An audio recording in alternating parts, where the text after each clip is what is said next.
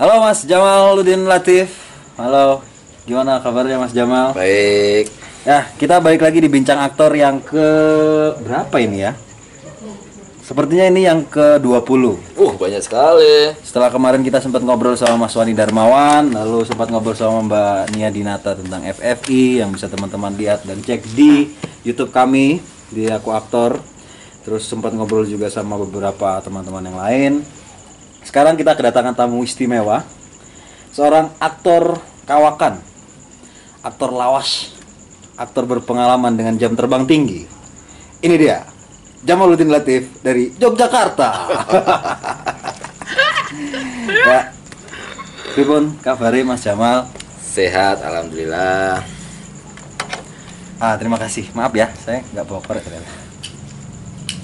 Ya, eh mungkin buat beberapa teman yang belum tahu siapa Mas Jamal, Mas Jamal bisa memperkenalkan diri dulu. Ya, Anda siapa? oke. Saya Jamal, nama lengkapnya Jamaluddin Latif. Saya lahir di Pekalongan. eh, di sebuah kota terkenal sebagai kota santri dan kota batik juga. Eh, terus saya memilih melanjutkan sekolah di Yogyakarta setelah lepas dari SMA 94 saya pindah ke Yogyakarta saya belajar seni teater di Akademi Seni Drama dan Film Yogyakarta Oh, masih Asdrafi ya? ya masih Astrafi terus saya belajar banyak di sana tentang teater pantomime terus film juga. Lalu saya juga aktif di beberapa sanggar-sanggar di luar kampus Astrafi saya terlibat banyak di beberapa kelompok-kelompok seperti teater garasi ada teater dengan teman-teman SMKI dan berbagai kelompok lainnya kampus bahkan kampus-kampus yang lain juga sering membantu teman-teman untuk mengerjakan produksi-produksi teater gitu Ya, itu adalah profil singkat dari Mas Ya. Jamal. lalu setelah itu saya keisi Oh, nah ini yang mau aku tanyakan. Hampir untuk pada setiap orang yang sempat bertemu dan mungkin secara publik eh, belum dikenal latar belakangnya, biasanya aku menanyakan eh, bagaimana bisa ada di dunia teater gitu. Ya, kenapa saya bisa ada di dunia teater? Karena mungkin sejak kecil saya memang punya minat ya, punya kecenderungan eh, berada dalam dunia seni. Sejak kecil saya suka pantomime. Dari SD saya suka seni pantomime. Belajar sendiri, lihat di televisi. Dulu belum ada YouTube. Jadi nonton di TV eh, pantomime itu kayak apa ya cuman bisa niru-niru aja terus SMA saya belajar teater sudah bergabung bahkan di SMA pun saya sudah bergabung dengan kelompok di luar di luar sekolah sudah terjun sudah pentas berkali-kali jadi memang saya memilih jalan teater sudah kecemplung sejak SMA gitu dan berniat dengan sungguh-sungguh mau menekuni dunia ini dan jadi pilihan hidup. Oh, jadi tidak seperti kebanyakan orang-orang yang tiba-tiba nyemplung kayak saya misalnya Ya. gitu. Ya, Karena tiba-tiba ya, tidak diterima di banyak fakultas dan akhirnya kemudian ah adalah daftar teater aja Ya. gitu. Enggak. Dulu enggak pilihan dulu pilihan saya antara ke Astrafi atau ke IKJ. Hmm. Itu karena terus pertimbangan macam-macam. Wah, Jakarta mahal, keras bung. dan mungkin juga orang tua agak keberatan kalau aku kalau aku sekolah di Jakarta gitu ya jarak jauh terus biayanya mungkin macam-macam lah ketakutan orang tua. Jadi dan kebetulan kakak saya juga ada di sekolah di di Jogja jadi mungkin biar dekat ada yang ada yang ngawasi ada yang nemenin gitu gitu akhirnya pilihannya ke ke Yogyakarta untuk untuk melanjutkan apa hobi melanjutkan kesenangan. Tapi kalau orang tua sesungguhnya menginginkan saya menjadi seorang dokter. Karena saya SMA biologi jurusan biologi. Oke. dan dan itu bidang yang sebetulnya saya juga tidak aku sukai gitu. Tapi karena orang tua gitu. Jadi memang waktu lulus SMA saya harus mendaftar dua sekolah. Satu UGM untuk menjadi dokter itu dan yang kedua eh, di Asrafi dan saya nggak belajar untuk biologi jadi saya belajarnya untuk teater. Jadi otomatis saya tidak tidak diterima Eh, tadi di- dibilang bahwa waktu kecil Mas Jamal eh, suka dengan pantomim.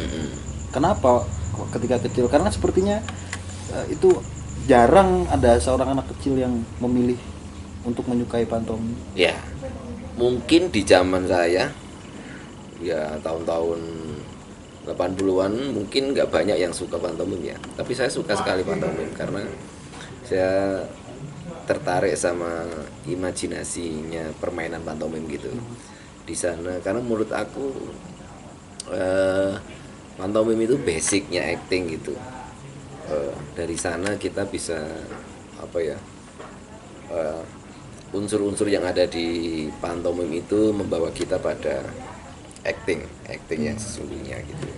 Itu kenapa saya suka sekali sama pantomim. Dan kenapa dulu saya suka pantomim karena pantomim itu eh, tanpa kata-kata pun orang bisa menangkap. Menangkap ceritanya, menangkap eh, leluconnya, menangkap kesedihan macam-macam itu hanya dengan gerak. Dan kecenderungan gerakan-gerakan itu yang membawa saya sampai sekarang ini. Hmm. gitu. Eh, tapi pernah terpikir nggak? Kan eh, ada secara secara umum anggapan bahwa memilih kesenian itu tidak punya masa depan. Memilih kesenian Memilih kesenian tidak punya masa depan secara finansial dan segala macam. Ketika kecil, mungkin kecil eh, tidak ada pikiran soal finansial, tapi Ya. ketika kemudian SMA dan Ya. lebih memilih masuk Asdrafi daripada UGM kedokteran Mm-mm. yang katakanlah menurut banyak orang punya masa depan yang lebih Lebih cerah. ya Kenapa Mas Jamal melakukan itu? ya dulu memang ada fase di mana ya eh, fase di mana saya menerima banyak menerima banyak apa ya statement-statement dari orang tua, dari saudara, dari tetangga, dari semua lini lah, semua orang bahwa ya kerja seni itu kerja yang kerja yang apa? Kerja yang jauh dibayangkan kebanyakan orang gitu ya. Ya seperti kamu bilang tadi bahwa ya dokter lebih menjanjikan, jadi arsitek lebih menjanjikan, jadi apa eh, ahli hukum lebih menjanjikan. Semua itu ribetnya jelas gitu kan. Real sudah tampak gitu. Sementara kesenian kan memang bukan kesenian yang yang dulu ya konteksnya ketika dulu percakapan dulu semuanya eh, hanya kayak impian aja impian-impian aja yang nggak nggak eh, kayak apa ya cuman kesenangan di awal tapi entah di belakangnya kita nggak tahu gitu. Itu yang dita- ditakutkan sama orang tuaku. Bu bu kerja yang lain aja gitu. Jangan ke- jangan kesenian gitu gitu tapi enggak saya punya keyakinan insya Allah bisa lah gitu. Apa pun yang kita tekuni dan aku pikir Tuhan nggak membeda-bedakan profesi apa pun kok Mem- tidak membeda-bedakan profesi yang duitnya lebih banyak atau enggak gitu. Semua rezeki dibagi rata sama Tuhan. Jadi saya punya keyakinan enggak insya Allah bisa gitu. Dan saya terus membuktikan kepada orang tua saya bahwa kayaknya saya mampu kok di bidang ini. SMA saya sering juara lomba baca puisi lomba acting sering juara dan eh, artinya kegiatan-kegiatan ketika saya meninggalkan rumah beberapa hari hanya untuk latihan teater bisa aku buktikan dengan sungguh-sungguh ke orang tua bahwa ini loh hasilnya gitu. Ada hasilnya bahwa apa yang saya lakukan ini baik kok gitu. Oke, akhirnya orang tua mempercayai, mem- merelakan apa yang sudah jadi pilihan, sudah menjadi pilihan saya dan terus banyak bukti-bukti yang semakin konkret yang kemudian orang tua oh ya udah ini memang pilihan jalan hidupmu ya itu ya udah. Tidak ada sejarahnya dalam keluarga saya yang punya jiwa seni gitu. Bapak bukan ibu bukan dari simbah-simbah juga bukan. Aku nggak tahu di mana lahirnya jiwa seni itu. Mungkin ya mungkin ada sedikit-sedikit dari keluarga-keluarga yang bisa main musik bla bla bla mungkin itu ya. Tapi kalau aktingnya nggak ada dalam sejarah keluarga saya yang punya bakat bermain teater gitu. Tapi saya kok ternyata saya sendiri nih yang punya bakat. Mungkin karena lingkungan juga. Karena saya sering bergaul dengan teman-teman teater sejak SMA jadi saya ber- eh, punya apa ya s- dari SMA juga sudah ditempa militansi berteater yang cukup keras gitu. Jadi saya paham bahwa dunia ini memang dunia yang keras gitu di teater di teater saya kalau latihan kalau salah dilempar sandal sama pelatih model-model kayak gitu. Jadi mungkin ya dari sana aku tahu bahwa dunia ini memang dunia yang cukup keras gitu. Tapi nggak apa-apa aku harus menempuh karena ini pilihan. Jadi orang tua orang tua memperbolehkan saya untuk eh, terus menggeluti pilihan pilihannya. Nah, eh, ketika kemudian akhirnya memutuskan sekolah di Asdrafi dan dan eh, hidup di dunia teater selama bertahun-tahun sampai sekarang, itu kan sudah berapa tahun, Bos? Jamal berkecimpung di dunia kesenian mulai dari pantomim sampai 25 tahun lebih deh 25 tahun. Eh, Walah, itu hampir seumuranku ya. Iya. Eh, eh, ya 25 tahun lebih hampir 30 apakah selama 25 tahun itu apa yang apa yang bisa membuat Mas Jamal bertahan eh, selama 25 tahun ada dalam dunia itu yang yang lagi-lagi kalau kita bicara soal eh, masa depannya dan bicara soal em, kemapanannya tidak lebih mapan dari eh, banyak ruang kerja atau banyak ruang yang lain. Kenapa bisa bertahan sampai 25 tahun? Apa yang membuat Mas Jamal bisa bertahan selama itu? Eh, mungkin karena saya apa ya percaya bahwa kesetiaan itu akan membawa membawa hasilnya. Hmm. Saya eh, jadi saya harus setia dengan apa yang aku aku lakoni gitu, apa yang aku tekuni. Hmm.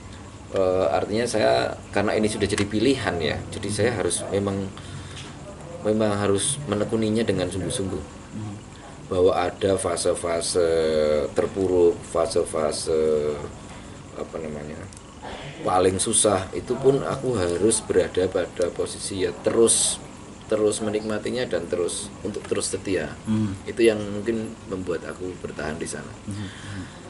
Di satu sisi statement-statement yang dulu itu mungkin ada benarnya juga di satu sisi tapi itu harus dilewati. Itu harus dicari cara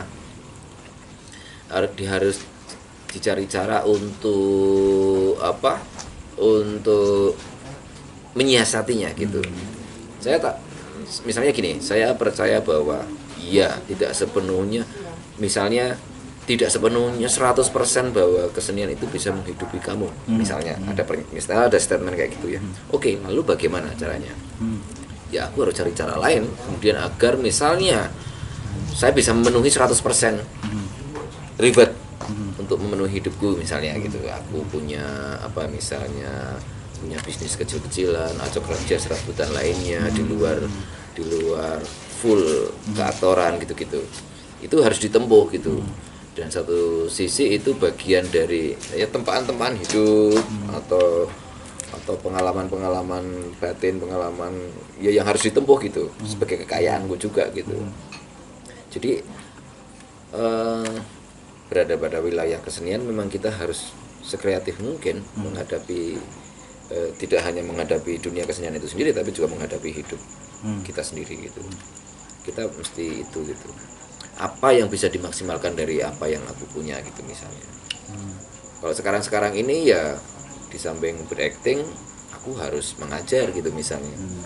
Mengajar pantomim di sekolah-sekolah itu satu satu cara juga untuk kemudian ya bisa bertahan di sana gitu. Mencoba setia pada satu pilihan. Artinya bisa memaksimalkan. Kalau aku wah aku maunya bermain acting aja kok bermain teater aja kok. Aku nggak mau ngajar itu bukan wilayahku ya nggak bisa juga kemudian. Ya satu-satunya cara ya begitu untuk menyiasati. Dengan begitu kemudian aku bisa mengembangkan mengembangkan apa membagi apa yang aku punya gitu membagi keahlianku. Dan kemudian mengembangkan apa yang aku punya gitu. Hmm. nah dari sana hal-hal bisa bisa tercukupi nah, gitu. Insya Allah tercukupi gitu. Oke,